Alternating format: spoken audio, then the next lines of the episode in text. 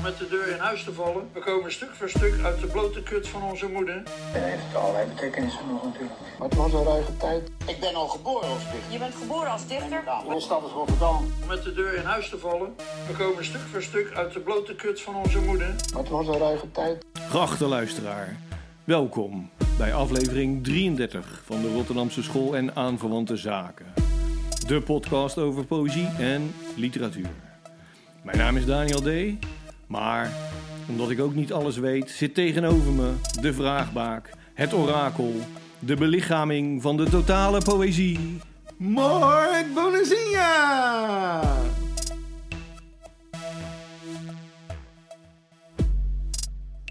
Zo, daar zijn we weer. Voor we beginnen met het nieuws, Ja, moeten we het nog hebben over de winst van Overeem op eh Hari. wil je dat? Is dat interessant? Voor Nou, deze podcast? Nee, voor deze podcast niet, maar voor ons wel. ik, ik had, eh, moet eerlijk bekennen, ik had niet verwacht dat eh Overeem zou winnen. Nee, had je niet verwacht? Nee, ik dacht, deze gaat Ha- Harry, Badder Harry, toch eindelijk eh, voor elkaar krijgen. Voor, voor elkaar boksen.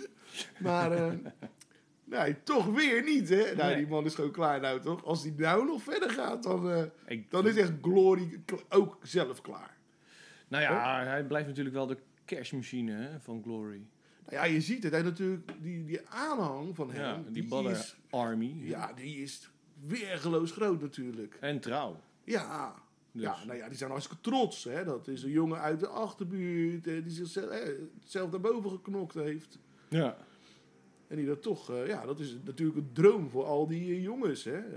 En wat hij, hij heeft ook aardig wat bereikt natuurlijk in zijn leven. Zeker. Ja, en hij is toch een van ons, hè, dat idee. Ja, Dat is natuurlijk zo. Toch? Ja. Ja. Ja. ik vermoed dat hij nog wel een paar wedstrijden gaat doen hoor. Ja? Ja, in ieder geval nog een afscheidswedstrijd, Ja, oké, ja. zou ik zeggen. Eh, ja. Maar goed, het is aan hem zelf natuurlijk. eh. ik bedoel, eh, ja, voor de eer hoeft hij het eigenlijk bijna niet meer te doen natuurlijk. eh. Want Nee, legende is hij ik al. denk, als hij, als hij door blijft gaan, dan brokkelt het alleen maar af. Ja, als hij nog een paar ja, verliezen. hè. Ja, maar, Maar ja, je kan natuurlijk wel kiezen welke tegenstander het wordt, zeker bij afscheid. Dan wordt het waarschijnlijk een jonge jongen die graag wil. Ja, maar dan krijg je zoiets wat Tuur toen op een gegeven moment deed in het topsportcentrum, een beetje bij de Kuip, in die Ja. hal. Ja, dat idee. weet je wel, en dan doet hij nog een wedstrijdje en dan denk je, ja, weet je, dat kan je beter niet doen. Dat wordt toch ook een beetje, word je ook, maak je jezelf een beetje belachelijk. Nou ja, het, het is een raar eh, einde dan hè, van een carrière, Ja, zeg maar. Je kan beter inderdaad tegen een echte toffe tegenstander en verliezen met je hoofd opgeheven, dan dat je inderdaad tegen een makkelijke gaat en dat je weet van, ah ja, hè? ja weet je, en, dan- en, dan, en dan ga je ook, eh, het blijft erbij in die sporten, hè, dat heb je gewoon van, ja, staat hij daar nou wel echt zijn best te doen? Want het is toch zijn feestje. Ja, precies. Weet je wel? Ja, ja. Dus ja, goed. Ja, maar ja, goed, ik weet niet of onze luisteraars daarop zitten te wachten. Nee, Ah, dan moeten we een, een sportpodcast beginnen. Ja, dat is misschien ook wel iets leuks om te doen. Ja, maar ja, ik weet zo weinig van voetbal, joh. Jij hebt, eh, wat is het, 44 jaar voorsprong. dus dat slaat dan nergens op. eh. Dus oké, nou oké, dan doen we dat niet, hè? Heel simpel. Oké. Nee, wacht, wacht, wacht, wacht, voordat je begint. Want moeten we het anders hebben over nog de zonnebloemen van Van Gogh? Heb je dat nieuws meegekregen?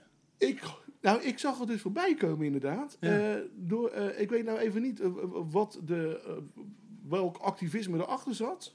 Nee, ik weet ook niet welke club per, per se. Nee. Maar er had dus iemand tomatensoep Ja, tegen het... de, de zonnebloemen van Van Gogh gegooid. ja, Ja, belachelijk. Maar je ziet dat niet achter een glasplaat? zit achter glasplaat, dus er was op zich niks aan de hand. Maar dan nog, weet je. Ik weet niet waarom die mensen dat doen. Zo heb je ook, vorig jaar had je ook mensen van de zomer, was het misschien, die in, god, wat was het, in, in Parijs, in het Louvre, zichzelf hadden vastgeplakt aan een schilderij, weet je. Ja, van eh, Picasso. Ja. ja, maar waarom doe je dat? ja, aandacht vragen natuurlijk. Ja, maar ja, goed, dit is gewoon... Het kunst idee was, eh, Ja, met- mensenlevens zijn belangrijker dan, eh, dan kunst. Ja, om te Ja, nou ja, beschermen. van kunst moet je gewoon met je poten afblijven. Zo is Ik het. bedoel, anders heb je ook geen recht van spreken. Dat hele... Nee, nou ja, weet je, ja, wat is de waarde van kunst? Hè? Dat is natuurlijk de vraag. Nou, dat, kijk, dat is natuurlijk eh, onbetaalbaar. Ja, Toch? zeker. Ik bedoel, de- iedereen ziet er iets anders in, in een kunstvoorwerp of hè, iets. Het is iets universeels. Hè? Er- zijn zoveel mogelijke interpretaties, of zoveel interpretaties mogelijk op één bepaald ding. Ja. Weet je eindeloos. Dat maakt het juist ook weer zo mooi. Dat Nou. voor iedereen eh, mooi is. Dat is ook een mooi bruggetje. Of lelijk. Ja, ja, precies. Dat is een mooi bruggetje waar ik naartoe wilde eigenlijk. Want ik dacht, laten we het dan ook literair maken. eh, over eh, Hm? Van Gogh, de zonnebloemen van Van Gogh. Eh, en de onbetaalbaarheid daarvan. Eh Jules Deelder heeft lang geleden... Ja, daar kunnen we het zo meteen ook nog even over hebben trouwens. Dat zien de luisteraars niet, maar... maar dat is inderdaad weer het brugje naar de volgende, volgende onderwerp. Eh, Maar Jules Deelder heeft, nou ja, wat is het, volgens mij in de jaren tachtig of zo... gedicht geschreven over Van Gogh. Het heet dan ook het Van Gogh gedicht. De zonnebloemen van Van Gogh zijn voor 60 miljoen verkocht. Als hij al niet gek was, werd hij het alsnog. Ja. En daarmee zeg je ook, weet je wel, dat kunsthandelaren zijn in principe niet veel beter wat dat betreft Maar is het dan eh, mensen die kunst vernielen. Ja, weet je, die, die zetten er een, een prijskaartje op, maar dat is natuurlijk flauwekul. eh, want het is, nou ja, wat jij Oh. al zei, onbetaalbaar natuurlijk. Ja, Van Gogh is natuurlijk is arm gestorven. ja, ja, ja. Totaal niet op Ja, waarde geschat. klassieke voorbeeld inderdaad van de Ja. miskende kunstenaar. Ja. Weet je wel? En natuurlijk ook eh, ja, de, de gekke kunstenaar. Hè? Precies, die, ja, de depressies, manie, zo weet ik het allemaal was. Ja. ja. Ja, een stuk oor afsnijden. ja. Ja, absint drinken, dat blijft leuk. Schilderen is ook leuk. Klonnetje Plus, hier, eh, klonnetje daar. Ja, nou ja, we hebben het al eens eerder gezegd. eh, ook zijn brieven zijn erg goed. Ja. En literair. Ja, Dus, eh, nee, nee, ja, Nasser heeft daar toen... eh Wie? Ramsi Nasser, toch? Was dat? Die, Ja, ja, ja, precies. Ja, die- daarom hadden we het erover. Inderdaad, Ja. je hebt gelijk. Ja, die had die eh Poëzieweek bundel geschreven. Ja, die had dus gedichten ja, gemaakt uit, ja. ja. uit... Dus gewoon woorden weggelaten, regels Ja. weggelaten uit die brieven. En daar kwam een gedicht uit. Precies, ja. Ja. Maar over Jules gesproken. Ja. Wat eh, heb je op je arm? Ik heb een, eh, een tato van Gilles. ja. Ja, althans niet van Jules zelf, maar eh, van zijn portret staat op, mij, Ja. op mijn arm nu. Met zijn handtekeningetje. Door wie is het gemaakt? Het is gemaakt, de, de kunstenares is Amber Hernandez. Die, had, Ja. die ook die mijn, hoe heet het, mijn eh albumcover heeft gemaakt. Ja, precies. Ja. Die Ja. had een uh, afstudieproject van de Willem de Koning. En was een, had ze een, een, een meid geschilderd. En op de bovenarm op de schouder stond eh, deze Jules. Ja. Dat zag ik. Ik zeg, hey Amber, ik zeg, maar die wil ik eigenlijk zelf hebben. Ja. Die, als een echte tato. Ze zegt, nou, dat kan, want ik heb die. Want was er een aanleiding voor om die te nemen? Of gewoon nee, ik wou dat. Ik zag het en ik dacht, ja, weet je, Jules is toch een held voor mij. Ik bedoel, ik heb de Doors ook op dat logo op mijn eh, arm Ja. staan. Dus nu heb ik eh Jules erbij. Nou, Jim Morrison en eh Jules, dat waren natuurlijk alle twee, ja, de. Ja, waardoor ik ben gaan schrijven. The gateway to poetry. Toch? Ja, dus zodoende. ja nou Ja. mooi. Ja. Hij ziet er wel echt heel tof uit. Ja, hè? Zeker. Misschien Zeker. moeten Hij is we... nog helend, helend. Oh ja. Moeten we een fotootje van maken en het eh, op de site zetten? Nou, ik heb hem vandaag per ongeluk niet met Bepal 10 ingesmeerd. Dus hij gaat een beetje droog worden. Oh, dus nee, het ziet er niet zo mooi uit. Nou, dan moet je hem maar een keertje eh, Mark opzoeken als hij ergens gaat optreden. Dan Ja. kan je het zien. Exact. Nou, en als we toch bij dat nieuws aan zijn gekomen. Ja, ik wel. ga optreden binnenkort. Nou, kijk aan. Nee, er is eh, eh, eh, van 28 tot en met 30 oktober is het Woordnacht, Festival in Rotterdam. ja. In het Nieuwe Instituut, onder andere. En Digidab, Chabot Museum, eh, Café de Schouw, hè, met de Poetsclub natuurlijk. Mhm. En ehm, eh, Heilige Boontjes is het ook. Dat is op de zondagmiddag. Eh, en Leuk. ik ben daar toevallig dan ook eh, op de zaterdagavond. Waar? In het nieuwe In instituut? het nieuwe instituut, in de restauratie zo gezegd, en het café bar Ja. gedeelte. En wat is het programma? Dat programma waar ik daar eh, zit, voor zit is eh, Hello Darkness. En dat is een titel van een nummer van Shocking Blue. Ik ben natuurlijk bezig met een, een novelle Ja. van Cor van der Beek, de drummer van Shocking Blue. Dus in dat geval zit ik daar, eh, om die reden. En er zit ook Rine Scherritsen, de bassist van The Golden Earring is daar. Cool. Fred de Wilde, de eerste zanger van Shocking Blue. Dat was dus niet Mariska Nee, Veres. Nee, ja, dat was ja. gewoon een man.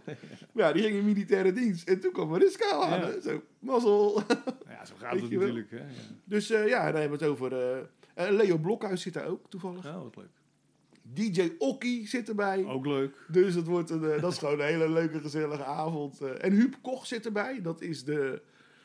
ehm, dat was als jonge, jonge jongen was hij de eh, oprichter van de Shocking Blue fanclub. Ja, oh, kijk aan. Dus mooi. een Rotterdammer ook. ja. Dus, maar goed, eh, ik wou het eigenlijk niet over mij hebben. ik had me ook helemaal niet in het nieuwsbericht geplaatst.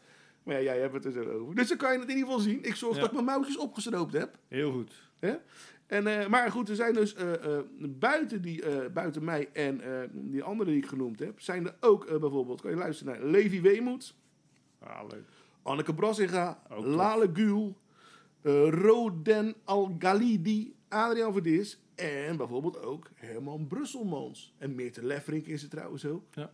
Maar Herman Brusselmans, over die laatste dus, over hem, is voor de voormalige stadsdichter Dien Bowen hè, van Rotterdam, Ja. Die is daar niet zo blij mee. Oh, wat dan? Nou ja, ik zag dus eh, op, eh, op Insta zag ik dus. eh, hij had in zijn stories gezet op social media, dus op Insta. eh, waarom Woordnacht Herman Brusselmans uitnodigt, is mij een raadsel. Wat ik met die info ga doen ook. Puntje, puntje, puntje. Hmm, spannend. Ja, Literaire polemiek.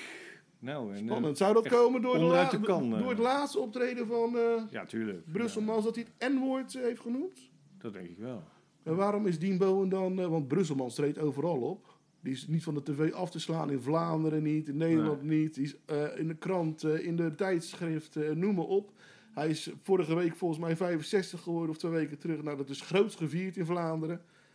Waarom springt Dien Bowen dan niet eh, op, de, op de bres? Nou, omdat hij hier woont en niet in België. Ja, maar in Nederland gebeuren toch ook dingen? Jawel, met met maar... Brusselmans. Maar waarom houdt hij dan wel zijn mond?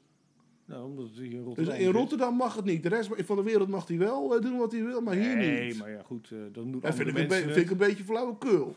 dat moet je ook over alles zeggen, toch? Nou ja, weet ik niet. Ja, denk het wel. Ik bedoel, dat doen andere mensen... Herman Brusselmans is toch inmiddels een beetje de kop van Jut geworden? Bij Ja. de jonge generatie schrijvers. Dus Ja. niet alleen bij Dien Bowen, maar het is een beetje in de mode om eh Brusselmans te bashen. Ja.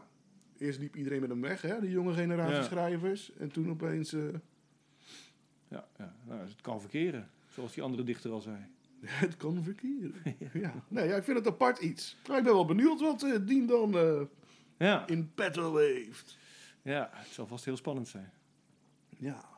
Misschien gaat hij wel demonstreren. Of gaat hij... eh, Ja, tomatensoep eh, oh, ja, of, over Brussel gaat- of gaat hij zichzelf vastketenen aan Brusselmans? Nou ja. ja, dat kan ook. Ja. Weet je wel? Nee, ik ben wel heel nieuwsgierig eh, wat hij gaat doen. Je zult zien. Toch? Eh, ik treed trouwens ook op, op Woordnacht. Wist je Oh. dat? Nee? Nee. Waar treed je? Nou, je organiseert het en je weet het niet eens. Nou, ik, ja, ik, nee, ik organiseer het niet. Ik, zit in de organisatie. Oh, ja, ja.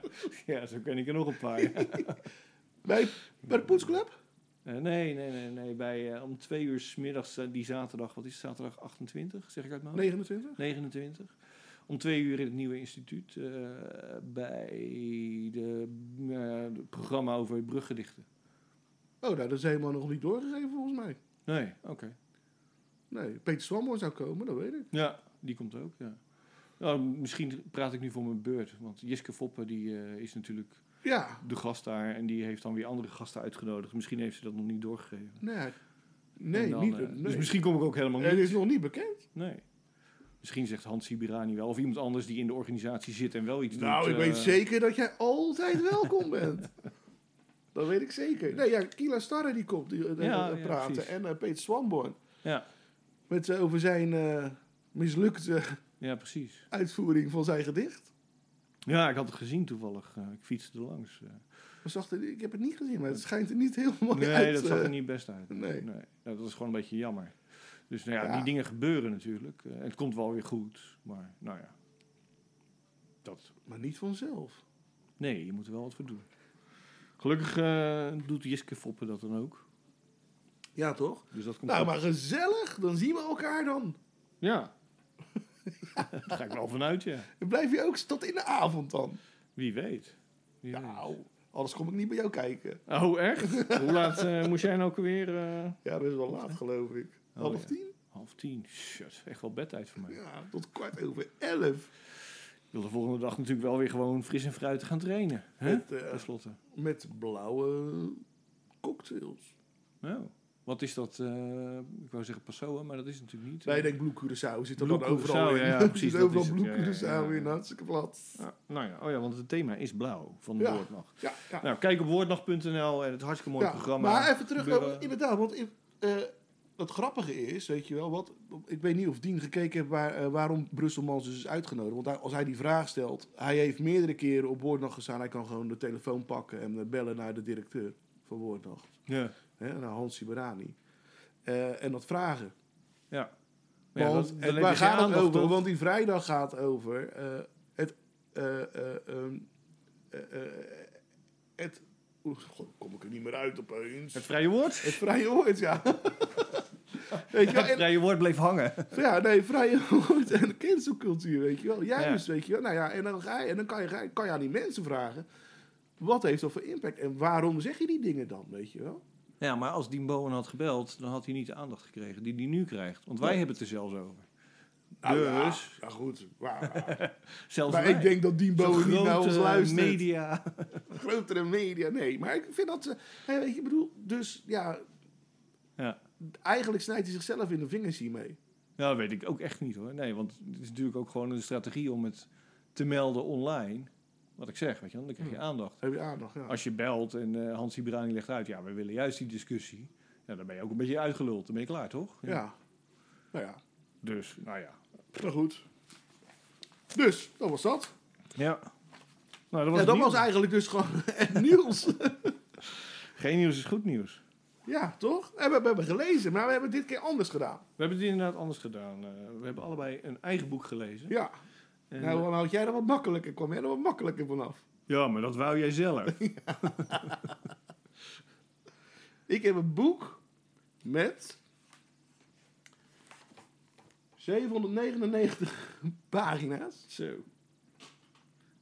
En ik 77. Maar ik heb wel ook eh, echt fucking zitten genieten. nou, wat mooi. Ja. Zullen we dan met die van jou beginnen? Ja. Overigens, eh, jij hebt proza en ik heb poëzie. Ja. En eh, 77 pagina's poëzie, als je het echt tot je wil nemen, is dat echt heel veel werk. Is best zwaar. Poëzie is gewoon een andere manier Ja. van lezen. Weet Moet je eens opletten of ik, als ik, of ik dit boek naar, naar jouw kop gooi, of jij dat boek naar mijn kop gooit. Ja. Kijk wat zwaarder is. Nou ja, kijk, je kan raken. Laten we daarmee beginnen. Nee, ja, goed. Oké, nee, je hebt wel een beetje gelijk. Maar dit is ook toch best wel soms poëzie, hoor. Ja, dat geloof ik wel. Want, wat heb je gelezen? Ik heb gelezen totaal van Marcel van Roosmalen. Ja. Zijn beste reportages. Er staat zelfs een stickertje op.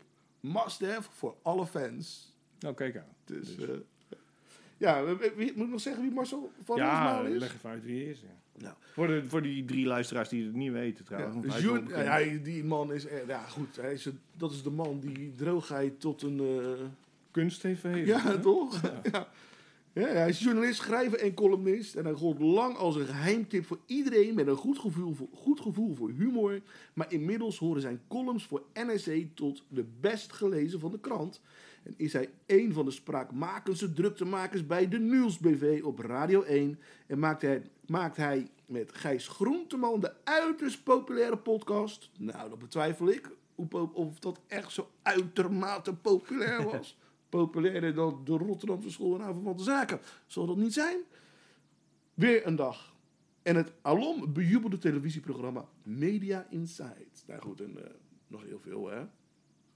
Dus hij heeft allemaal eh, reportages eh, gebundeld in een, eh, in een boek. Ja. En het beslaat ongeveer plus minus 20 jaar. Ja, Het begint Ja. bijvoorbeeld, het, be- en het staat op chronologische volgorde. Het begint met eh, Connie Mus, de Wie was dat ook alweer? nieuwsverslaggever eh, in, het midden, in Israël, het Ja, Midden-Oosten. precies. Ja. Weet je wel, die is toen op een gegeven moment aan een hartaanval overleden. Ja, dat is, dat is het eerste verhaal. En ik, ik, kwam, ik zat er gelijk in. Maar waar gaat het dan over? En wij gaan, en, en wat hij, vertelt, hij, hij, hij gaat bij die man op bezoek. Hij gaat dus naar Israël, echt. Ja. Hij gaat met al die mensen, hè, dan gaat hij, gaat hij wel heen. En dan eh, vertelt hij, dan gaat hij gewoon een interview doen. En dan vertelt hij eigenlijk weinig van het interview. Want anders, hij heel weinig vragen komen er maar in. Maar hij, hij vertelt hoe die mensen zich eh, voordoen. Ja, ja. Weet je, wat, wat hij meemaakt. Hoe ze zich, maar dat zijn de, de details, de kleinste dingetjes. die schrijft hij juist op. Dus niet de overlijnen, weet je wel. Nee, echt de kleinste dingen, dat je echt denkt... Die pietluttige dingetjes die eh, een mens eigenlijk een mens maken dan, Ja, weet je wel. en heb je daar een voorbeeld van? Oh, ja, dat denk ik wel. Pietluttige dingetjes. ja, nou ja, kijk... God, dan moet ik het opeens op gaan zoeken. Dan heb ik dat... eh, Nou, je hoeft het niet voor te lezen, maar ik dacht misschien heb je wat eh, voorbeeldjes in je hoofd. Ja, maar ja, dan moet je het wel weer goed vertellen natuurlijk. Ja, precies. Want die, eh, het zijn reportages. Er zijn reportages. Het begint dan in Israël, maar wat voor soort... Waar schrijft hij over? Hij schrijft het echt over Connie Mus in dit geval. Ja. En dan schrijft hij bijvoorbeeld ook wel... ehm, even kijken hoor, want dat had ik wel klaarleggen. Eh, tut, tut, tut, tut. Dit is echt heel slecht voorbereid. Maar verder, qua reportages, eh, zijn het allemaal buitenland reportages? Nee, nee, helemaal niet. Nee hoor, hij gaat, zo gaat hij ook met Pim Fortuyn mee eh, op... eh, Ja, op, op verkiezings... verkiezings eh, campagne. natuurlijk. Ja, ja. En nou ja, goed. En dan op een gegeven moment dan is natuurlijk Fortuyn ja, doodgeschoten. ja. Maar, dan zit hij, maar hij maakt echt heel die, die Fortuynisten, die- of die pimmels, hoe die ze noemt. Pimmels. een mooi woord. Weet je wel.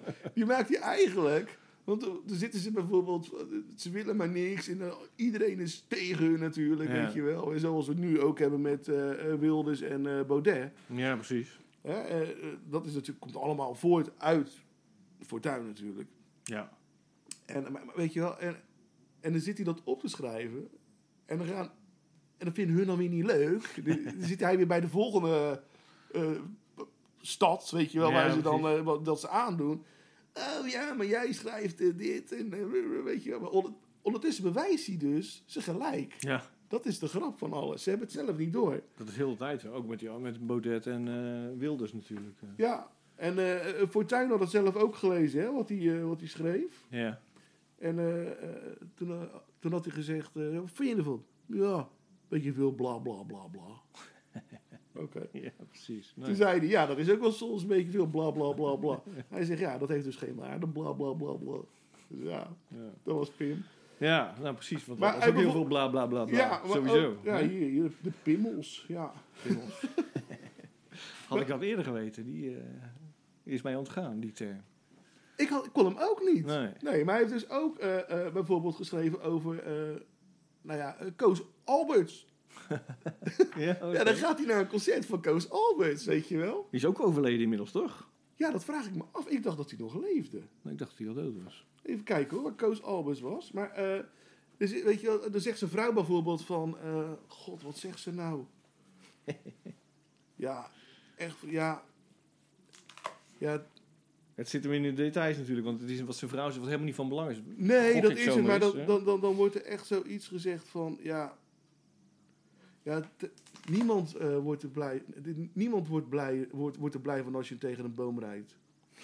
Of zo, zoiets, weet je wel. Dat van, ja, dat, dat, word je, daar word je niet vrolijk van als je tegen een boom rijdt. Joh, 2018 is hij trouwens overleden. oh toch wel? Ja, ja, ja. Ja. 28 september 2018. Dus hij is inderdaad al Dus, maar, maar die man die zit dus in, in, in, in een... En dat begint dan ook van... Ja, eh, dus zich Koos Albersen vertellen van... Ja, joh, roem, weet je wel, bekendheid. Er verandert helemaal niet zoveel.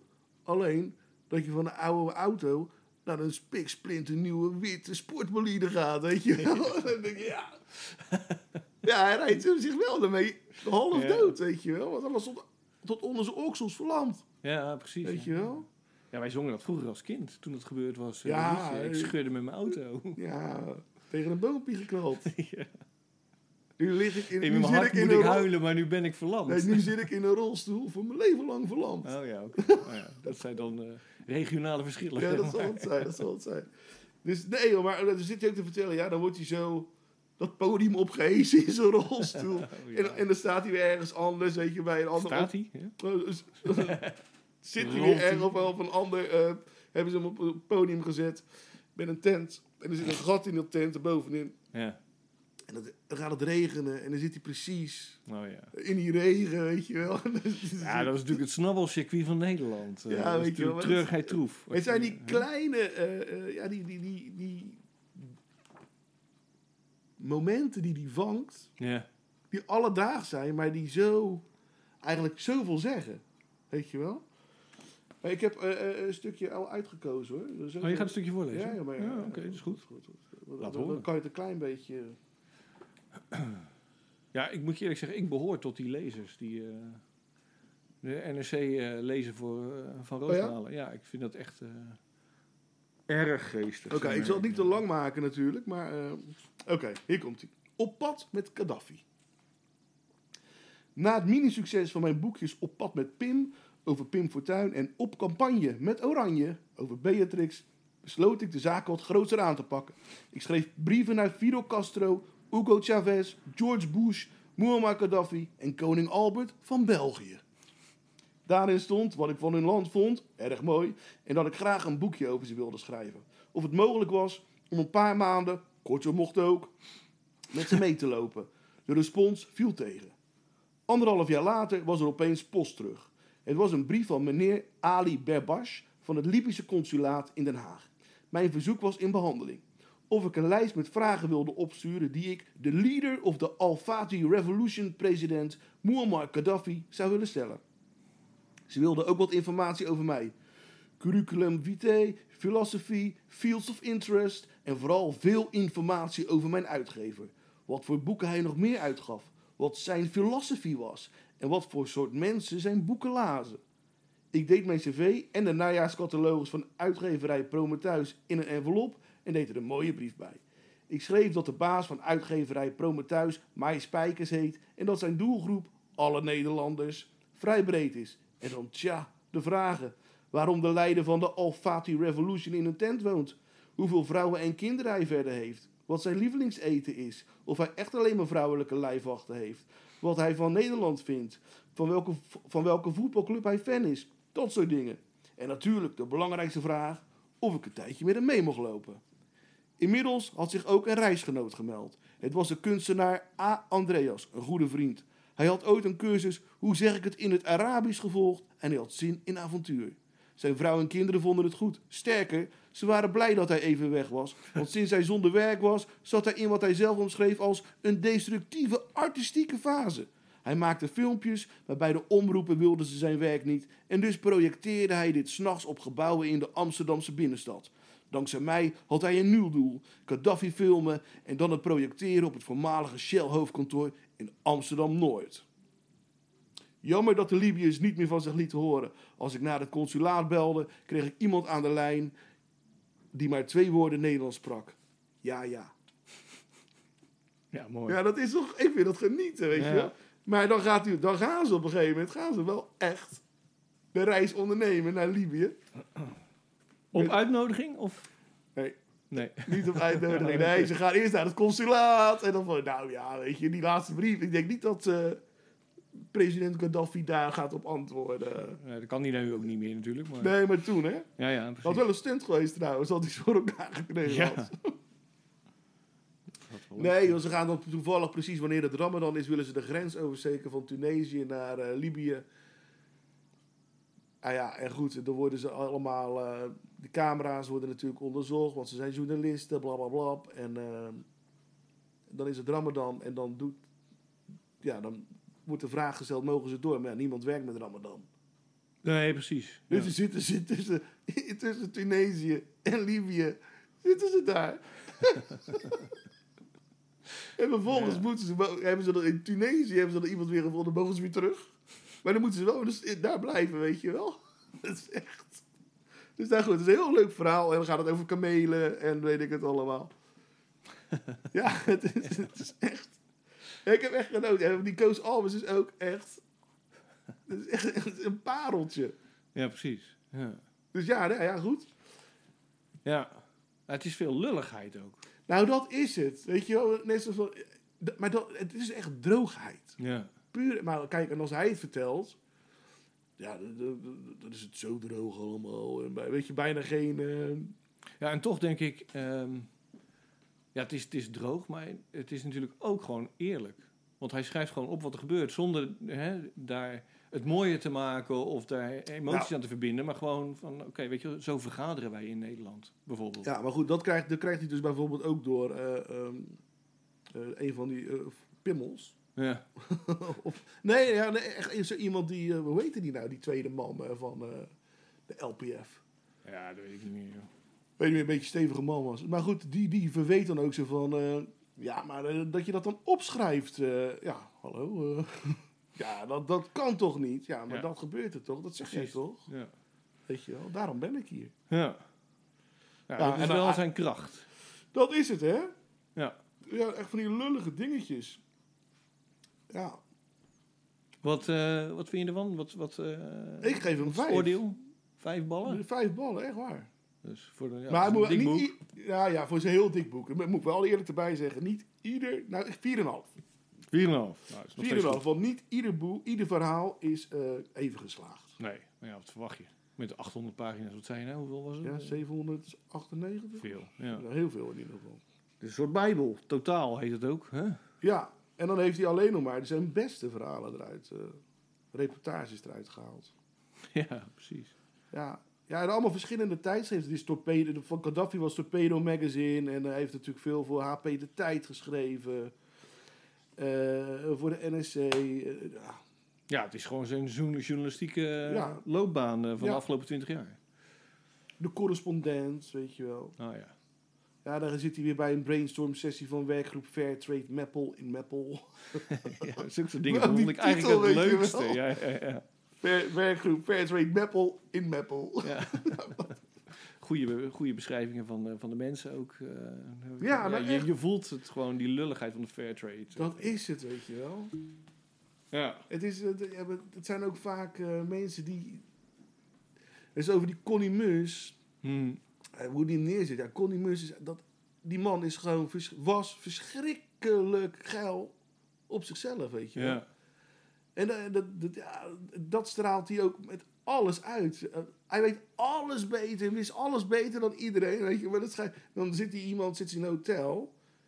En dan in een Israëlisch hotel. En dan komt er bijvoorbeeld die ober naar hem toe. En dan zegt hij: All Palestinians are murderers. Dan zegt hij, eh, zegt hij tegen, eh, tegen Marcel van Roosma: Ja, vind je altijd leuk joh, als ik dat zeg? Ja, ja, ja, precies. Ja. ja, dan, ja, dan denk ik. Ja, dan weet je gelijk wat voor soort mensen het is. Ja. Eh, dat is wel typerend voor ja, hoe wel, mensen een ruimte dan. binnenkomen. Ja. Weet je Ja. wel? En dan zit er verderop zit er dan eentje. Hij zegt, oh kijk, nou, dan gaat hij luisteren naar wat, de man, wat die man zegt aan de bar. Dan zegt hij tegen die, die, die Marcel van, ja, dat, dat is een nieuweling. Dat klopt geen bas man wat hij zegt. Ik loop er wel even naartoe. En dan gaat hij natuurlijk heel stoer. Ah, joh, er klopt helemaal niks van dit en dat. En zo zit het in elkaar. Want hij weet het wel hoe het in elkaar zit natuurlijk. ja. En vervolgens blijkt dat een of andere VN-onderzoeker te zijn. En helemaal geen journalist of zo, weet je wel. Oh, oké, nou goed dat ik dat weet. Ondertussen, maar goed, hij zegt op Palestinians are bastards of murderers, weet je wel. Maar hij zegt ook van, ja, die Israëliërs, die, eh, Precies. dat is, eh, dat, dat, die zit, zit- ze zitten er zo hard in, dat dit wordt nooit opgelost met hoe ze erin staan, weet je wel. Dus ja. Nou goed, ik, eh, het is echt, het is genieten geblazen. En het, het mooie is, het zijn korte verhalen, hè, dus je kan Ja. s- je- je- indelen hoe je het wilt. Ja, elke avond voor het slapen gaan een verhaaltje. Ja, Ja, toch? Hartstikke mooi. Ik doe altijd hele andere dingen net voor het slapen gaan. maar- Echt, ja. Ja. Poëzie lezen zeker. Ja. Dat dacht ik al. dus vandaar al die poëtische platjes. ja, Ja. nou ja, maar sommige, eh, over wat we eerder zijn, sommige dingen. Oh, poëtisch. Nou?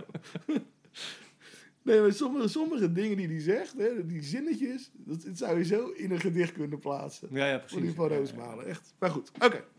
Nou, dat is duidelijk. Het is een eh, aanrader. Ja, dat moet, al hou, je moet wel van, die, van, van dat genre houden natuurlijk. Ja, maar ja, ja, je moet ook van lezen houden. Ja, Het is wel een dik boek. het is wel een dik boek. Ja. Ja. Dus, nou oké. Bijna net zo... Nee. Het is poëzie, hè? Maar dan in reportagevorm. Ja.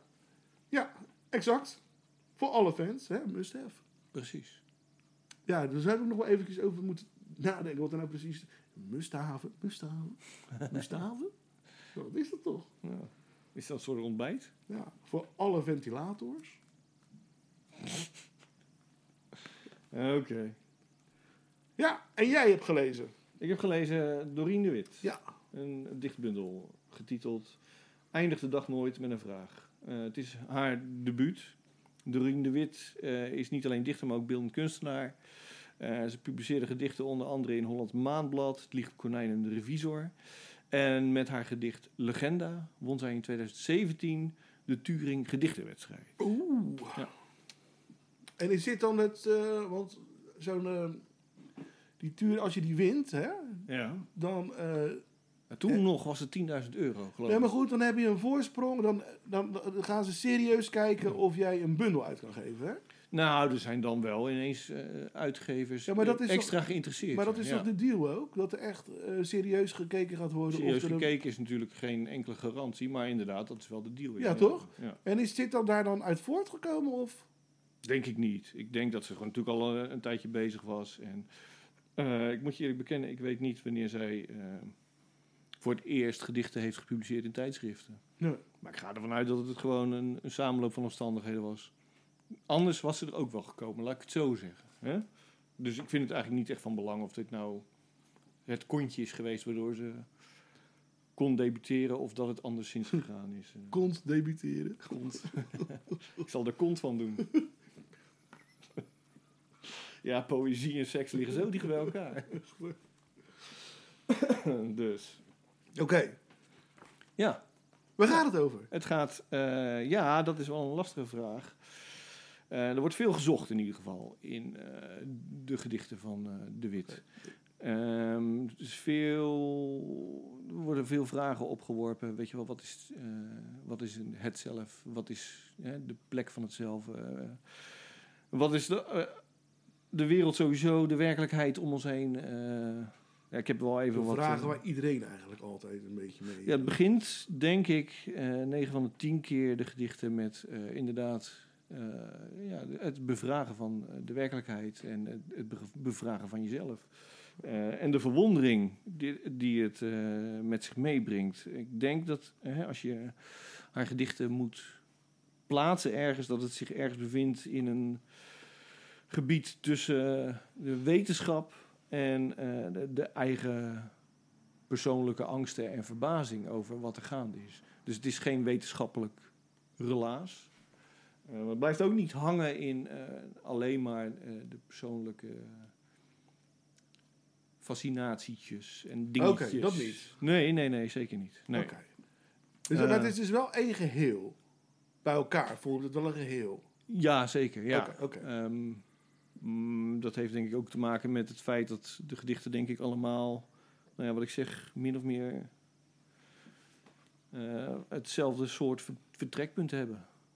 Dus waardoor het al snel eh, een soortzelfde, nou ja, ja, verwondering, vraag, waardoor het dus ehm, ja, al snel een soort eenheid wordt, zeg maar. Dus dat kan haast niet anders. eh.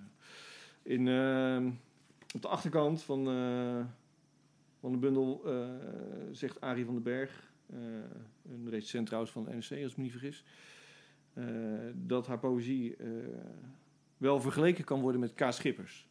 Oh, oké. Ehm, Oh, dat is nogal wat. Ja, ja, ja. Nou, het is wel duidelijk dat zij beïnvloed is. Ik ga een gedicht voorlezen waar het helemaal duidelijk is dat je kan zien dat zij wel echt eh, beïnvloed is door K. Schippers. Overigens, dat gezegd hebben, dit gedicht zou zomaar, wat ik ga voordragen, van K. Schippers kunnen zijn. Maar dat is dan ook echt het enige gedicht. Zij gaat wel weer een stap verder dan K. Schippers. K. Schippers heeft natuurlijk gewoon eh, zijn eigen gedachtegangen eh, en vooral eigenlijk de werkelijkheid om hem heen gewoon beschreven, zeg maar. Ja. En, en altijd even de, boel gekanteld, zeg maar. Hè? Zodat je een ander beeld krijgt van wat er gaande is. Nou, dat gebeurt in dit gedicht ook. eh, maar zij zelf gaat dan eh, in andere gedichten wel weer verder. Dat is een beetje een vaag verhaal dit trouwens. Maar goed. Het gedicht heet... ja, het is best lastig om een gedicht... Ja, pro- Hè, een, Ja. soort poëzie te omschrijven... zonder dat je het nog hebt laten horen aan je luisteraars. eh. Maar goed, hopelijk legt dit iets meer uit. Het gedicht heet Plannen maken... tijdens het wachten op reparatie van een gebroken bovenleiding. Een boot bouwen die zo groot is dat bij te waterlating de zeespiegel stijgt. Alle bewoners van een continent steken tegelijk hun handen in de lucht, ze veranderen hiermee de loop van de wind. Een encyclopedie maken van dingen die niet bestaan.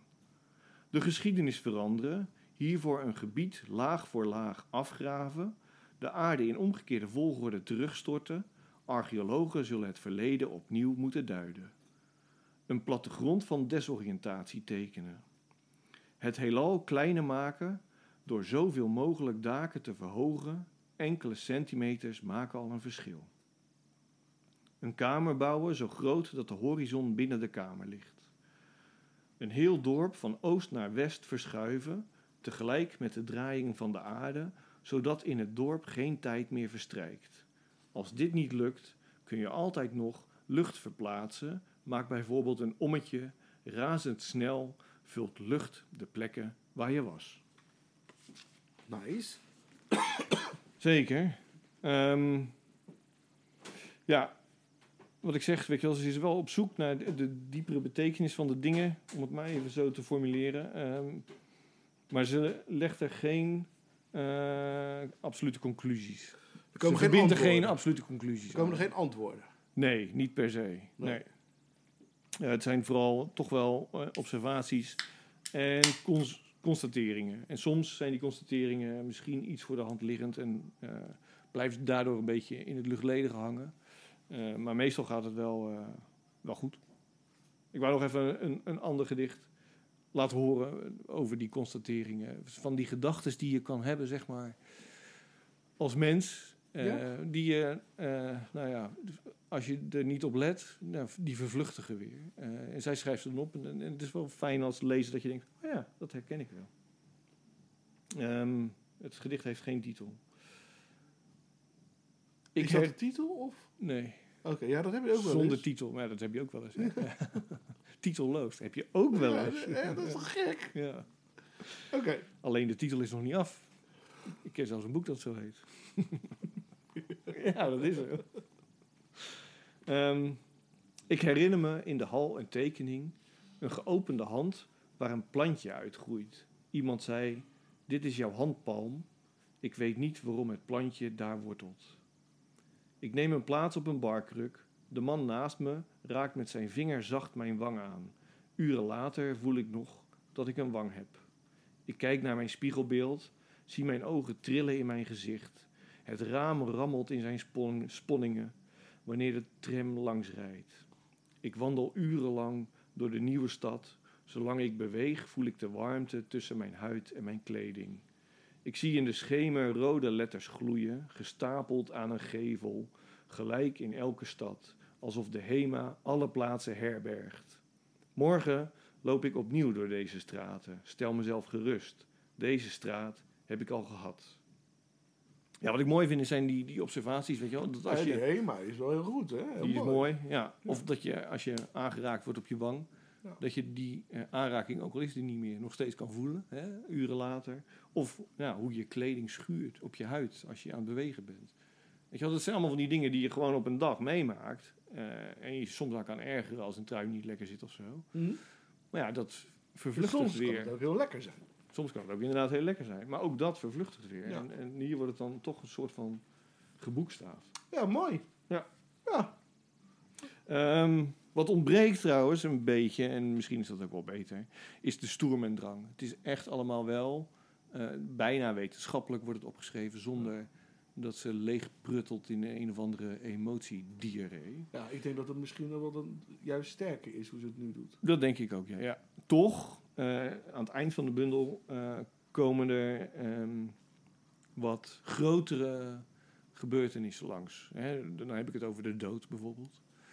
Wat Oeh. diepere gevoelens. Ja, dat is ook iets waar we natuurlijk allemaal eh, mee te maken krijgen. Precies, ja. En zij doet het dan ja, op haar eh, eigen manier.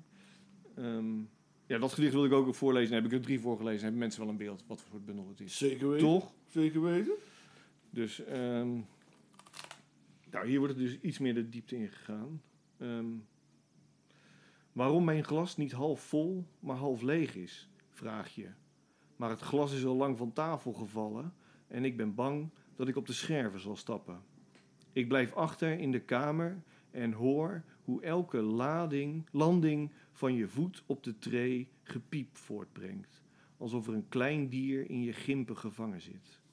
Een duif trippelt over de rand van de dakgoot En het enige wat ik leerde tijdens gymles schiet me te binnen. Als je denkt aan de diepte, zal je vallen. Herinneringen zijn stofvlokken die altijd op dezelfde plaatsen ophopen. Bij de schemerlamp, in elke hoek van de kamer, maar vooral onder jouw helft van het bed. Ik zie je weer staan, rokend onder de afzuigkap, ijsberend van raam tot raam. Zei je niet, steeds hetzelfde kostje open krabben, is vragen om littekens, van herhaling komt hoe dan ook slijtage. Samen hetzelfde rondje lopen tot de vloer sleets wordt, tot er een geul ontstaat onder je voeten, geleidelijk een diepte waar je aan went. De drang met mijn vingers eindeloos cirkels op de muur te tekenen onderdruk ik niet meer. Ik denk aan de voet van de Madonna, wegsmeltend onder de aanraking van duizenden handen. Wat slijt eerder, mijn vingers of de muur? De herinnering, de huid van mijn hand die aanrakingen bewaart. De muur of mijn huid. Ehm, ik realiseer me trouwens, dit gaat niet per se over de dood, maar het gaat over iemand die er niet meer is. Dus, eh, maar er zitten dus ook wel eh, andere gedichten. Ik had een ander gedicht volgens mij willen voorlezen. Maakt niet uit. Dit is, Wow. hier laat je toch ook wel een beetje zien eh, dat het wel degelijk ook over nou, hè, intermenselijke relaties gaat. En, Dus dit is haar debuutbundel. dit is haar debuut, Nou. zeker. Ja, en ik heb me er bijzonder mee vermaakt. Ja. Zeker. Hoeveel ballen? Drie en een half. Oké. Dus ja, weet je, Ja. ik kan ook wel weer zeggen vijf. Nee, Ja, maar ja, er moet ook hoog, nog, hè? er moet nog wat meer eh, komen. Nou, ik weet zeker. ehm, ja, tenzij ze nu op is, maar ja, goed, daar niet van uitgaande. Dat we nog veel meer van haar kunnen verwachten, om dat cliché maar eens te gebruiken. Dus dat dat nog veel meer. eh, en eh, dat- ja, daar zie ik ook wel naar uit. Oké, ik ook. Ja, Nou, dat waren de twee boeken. Die Ja. we allebei apart van elkaar ik toch weer gelezen. even gedaan, hè? Zeker. Ik heb nog een e-mail gekregen. Ja, laat me raden. Nou, Van Gaddafi. Je mag langskomen. dat zou wat zijn, hè? Ja, dat zou heel raar. Nou, ik zie die beelden nog voor me, hoor. Dat die eh ja, dat was achterin naar, ja. die eh, jeep... eh, Ja. Was het ook geen lieve jongen, maar toch. Nou, ik moet, zeggen, ik, geweld, nou, ik moet zeggen, ik denk... Nou goed. Ja, anders moeten we een politieke podcast beginnen. Ja, nee, wel, ik vind het... Ja, precies. Nee, maar ik vind... eh, nee, daar hebben wij ons echt eh, onszelf weer van onze slechtste kant eh, laten zien als het Westen. Ja, maar goed, wanneer. laten we ons van de goede kant Hè, zien. want stel je nou De voor... laatste tijd, nou goed, hè? Oké. Nee, van Jeroentje. Yes. Jeroen Smit. Cool, cool, cool. En met een nieuw gedicht. En het heet Gepoft aardappelvormig hart. Wat een mooie titel. Ja, ja vond ik ook wel. Gelijk honger. Dus, oké, ge- gepoft aardappelvormig hart. Ik droomde dat ik doodging. Het was verschrikkelijk bloederig, zo met mijn borstkas open. Met het bloed dat een steeds grotere buffer op straat om me heen maakte dan er al was. Mijn vriendin was er ook. En met al haar liefde stopte ze de linker kransslagader terug in mijn gepofte aardappelvormig hart. Een paar minuten later keek het net aangekomen hoofd van de ambulance wanhopig, maar liefdevol naar het improvisorisch werk van mijn vriendin. Hij schudde zijn hoofd naar haar en ik voelde het leven wegvloeien. Haar liefde had me de minuten gegeven om dat te zeggen wat ik iedere ochtend zeg. Ik ben er klaar mee, ik ga weg. Mooi. En maar het lijkt wel of hij steeds beter wordt, joh. Die, eh, Ja, hij, hij kan het wel. Ik ben heel benieuwd naar... eh, ja, die moet toch wel eens een keer met een bundel gaan komen zo. Zeker. Hij moet het eens gaan proberen. Dan, eh, dan gaan we hem interviewen als hij gedebuteerd is. Dan zeker. Dan zeker, ja. Misschien wel eerder. Nou, En, en anders als hij niet kan, later. of niet. Ja. Ja, dus. Was Jeroen Smit met gepoft aardappelvormig hart. Zeker. Nou, dan hebben we dat vaste item ook weer gehad. Dan gaan we door naar eh, ons lievelingsgedicht. Het Ja. laatste item. Hè? Ik heb een, eh, een gedicht van eh, Ellen Dekwits Oké. uit de bundels De Steen Vreest Mij. En het is een titelloos gedicht. Staat er nou een titeloos gedicht? Nee, dat staat er niet. Nee, oké. Staat er dan zonder titel? Nee, ook niet. Oh. Staat gewoon niks. Staat er een streepje? Staat helemaal niks. Nee. Soms vind ik dat wel moeilijk. Hè? Want als, als, als dan zeg maar, het gedicht links is en rechts heb je ook een titelloos gedicht, denk ik... Hoort het Hoort nou bij elkaar of Altijd niet? even in de inhoudsopgave kijken dan, hè? Ja. Ja, ja, ja, goed. Ik denk dat het wel overduidelijk is in dit geval. Ja. Met, met Ja, het ja. grote witte onder. Precies, ja. Dat het, eh, maar goed, dus het gedicht. Mijn grootvader leidt me rond. In zijn kast hangt mijn jas op bij het familieportret en het geweer, terwijl zijn rug zich recht. De levervlekken lopen leeg. We maken tijd, een platgeslagen vlieg op het pasgewassen raam. Hij neemt me op schoot, vertelt over onze soort. De Hades in de aderen die alles schoon moet. Het gat tussen zijn ogen dat zich vol met inkt zuigt, dat zich sluit. Ik kruip tegen hem aan. Hij knikt. Gelooft niet dat er in mijn ballpoint ook een kogel zit. Ja, mooi. Ja, toch? Zeker. Dan moet ik zeggen dat ik Ellen altijd sterke, voor, sterke performances vind hebben dan... eh, het komt meer, beter binnen bij mij wat wat Ellen schrijft. 9 van de 10 keer als ik het hoor, als ik het haar hoor, Ja, dan dat ik het lees. ja precies. Ja. Ik snap wel wat je bedoelt. Ja. Ja, het, het is, hè? het is meer performance van- bij haar. Ik weet niet wat het is. Nou, dat. Ja, Ja, nou oké. Ja. ja eh, haar werk eh zwakt wel een beetje. Soms is het echt heel ijzersterk. Binnen een bundel ook hoor. Er zijn zo'n ijzersterke gedichten tussen nou ja, En dan de hele tijd is het... wat slappere ja, dingetjes. dat is het waarschijnlijk, ja. ja. Excuses. Dus, nou ja. Oké. Dus, maar dan is mijn beurt. Ik heb een gedicht, toch? Ja? Ik heb een gedicht gekozen van Leo Vrooman. Oeh. Uit de bundel Details. Eh, het is een lang gedicht trouwens. Oh, tuurlijk. Ja, dan Ja, neem je de tijd weer. Neem de hè? tijd. Ja, ja, je moet er toch de tijd voor Verdomme, maken. het is ook altijd wat meer. En in het begin eh, vond ik eh, Vromans trouwens helemaal niet zo interessante dichter. Maar toen kwam, was ik een keer als gast bij Poetry International. En toen las hij dit gedicht voor. Ja, dat deed hij toen zelf. Zo'n lang gedicht. En toen dacht ik, oh wauw, wat gaaf. Oh, heb ik die bundel speciaal daarvoor gekocht, voor dat gedicht. En de rest is ook goed hoor, uit de bundel. Ik vond hem eigenlijk als dichter eh, steeds sterker worden naarmate die ouder werd. eh. maar goed. wat heb jij met de achterkant van dat boek gedaan, met die bundel? Ja, helemaal niks eigenlijk. Ik heb hem tweedehands gekocht, dus ik weet Oh. eigenlijk niet zo goed eh, waar dat vandaan komt. Dus. Het zijn zwarte vlekken Je voor de niet de luisteraars. wc gele- Nee, precies. gelezen. Het zijn inktvlekken, zwarte inktvlekken, maar ja, stipjes, geen idee. Nou ja, goed. Het gedicht heet Spiegelbezoek. 1.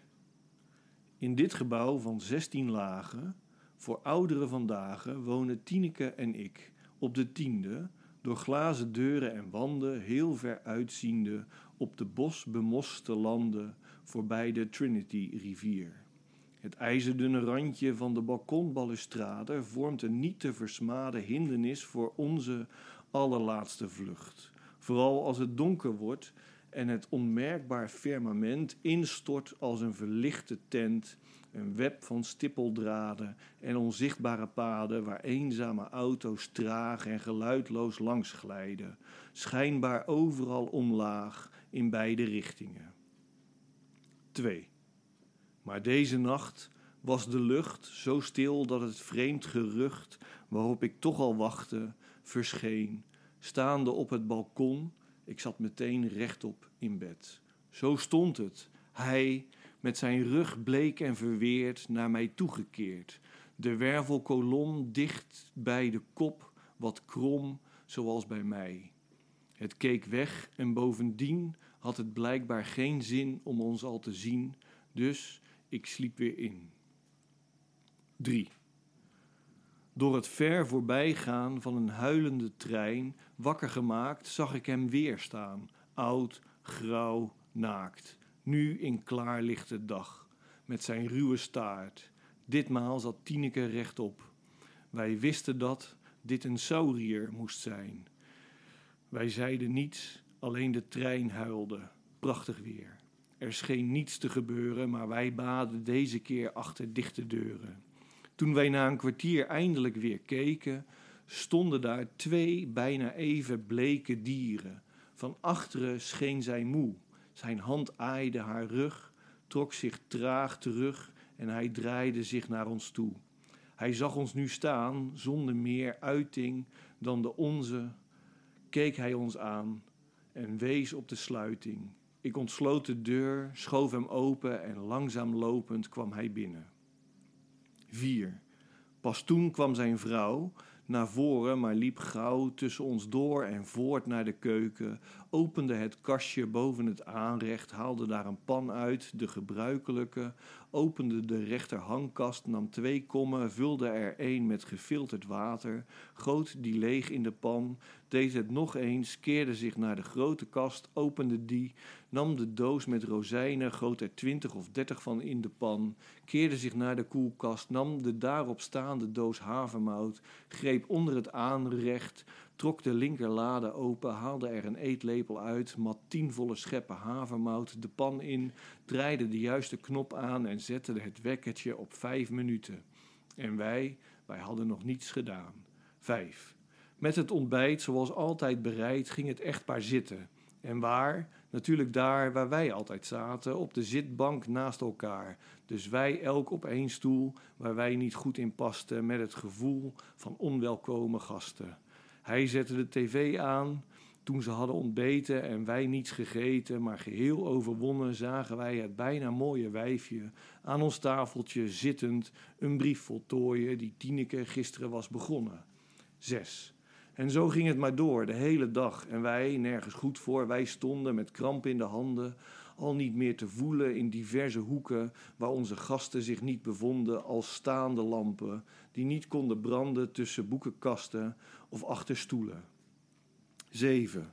Pas die nacht zagen we, ondanks hun trage, kleine gebaren, hoe verliefd ze waren, aan hoe ons bed was opengeslagen als bladzijde 1 van een nieuwe roman. Dus wij slopen heen op onze tenen naar de study waar we het ding uitvouwden dat we voor ongetrouwde gasten hadden bestemd. Ik, in mijn onderhemd, sliep slecht van het wachten op andere gedachten. En hoe minder ik hoorde, hoe meer het mij wakker maakte, tot eindelijk hun beddenplank kraakte en nog een keer.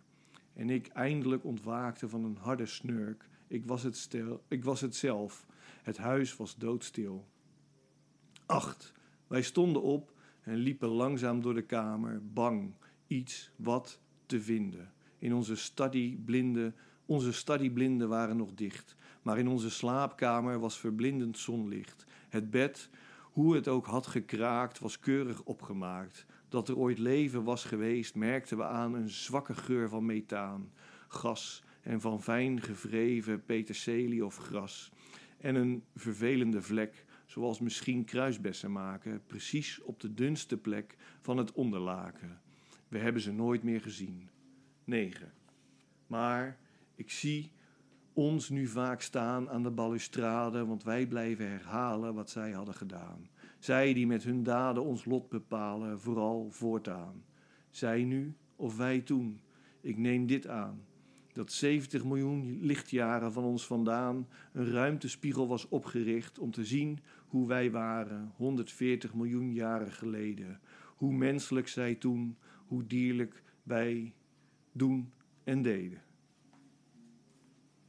Zo, zo dan. Ja, ah, Leo Vrooman.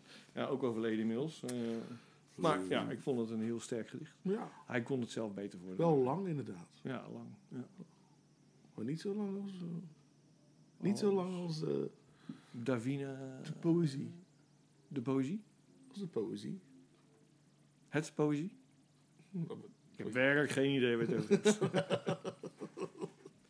Dus, Er zijn langere gedichten. ben jij trouwens nog geweest bij ehm, de Nacht van de Poëzie? Nee, jij wel? Nee. Oh, oké. Nee, ik ben wel gisteren geweest bij eh, de herdenking van de Nieuwe Waterweg. Die nu 150 jaar bestaat. Ja, van Rien. Van Rien. Ja, Ja, gisteren ja, was zondag trouwens. Ja, ik ben natuurlijk Nee, zaterdag, sorry. het is vandaag ja. zondag, wanneer we het opnemen. Ja, daar ben ik geweest. Rien had een, eh, een nieuw lied geschreven voor de Nieuwe Waterweg. Ja. Dat toen ten gehore werd gebracht. Op muziek gezet door Mike Baudet. eh, uitgevoerd door, eh, gezongen door Loes Luca. Ja. En Pierre van Dijl. Ja. op zijn uh, trekharmonica. Doedelzak. Nee, accordeon, sorry. Doezelzak. nee, dat is een verkeerde associatie in mijn hoofd. Eh, zijn accordeon, ja, ja. Ja, poëzie, hè? Ja, ja, ik kon helaas niet. eh mijn meisje was jarig. Ja, nou, ook leuk. Ook een feestje. Zeker, zeker. Dus, nou, gefeliciteerd. Ja, dankjewel, dankjewel. Hoe jong? Dat mogen we niet zeggen. Dat een ga ik niet zeggen, eh, Oké, oké. Dus, eh, ja. Je weet, hè, dat ligt bij vrouwen altijd wel gevoelig. ja, is gewoon zo. Ja, ja oké. Dus, eh, heb je nog een vrouw tegengekomen die zo loos eh, is als een kreeft? Nee. Nee? Oké. Nou, dan... Zo eh, scherp als de scharen. Als de oeh. scharen van een kreef. kreef. Ja, dat wel? Ik ontken alles. Oké. Nou, Blijf poëzie. dan sluiten we dit eh, poëtisch een podcastje af. Zeker. Met een welgemeende dank voor de luisteraars dat jullie hebben tot het eind hebben volgehouden. En tot een volgende keer. Doei doei!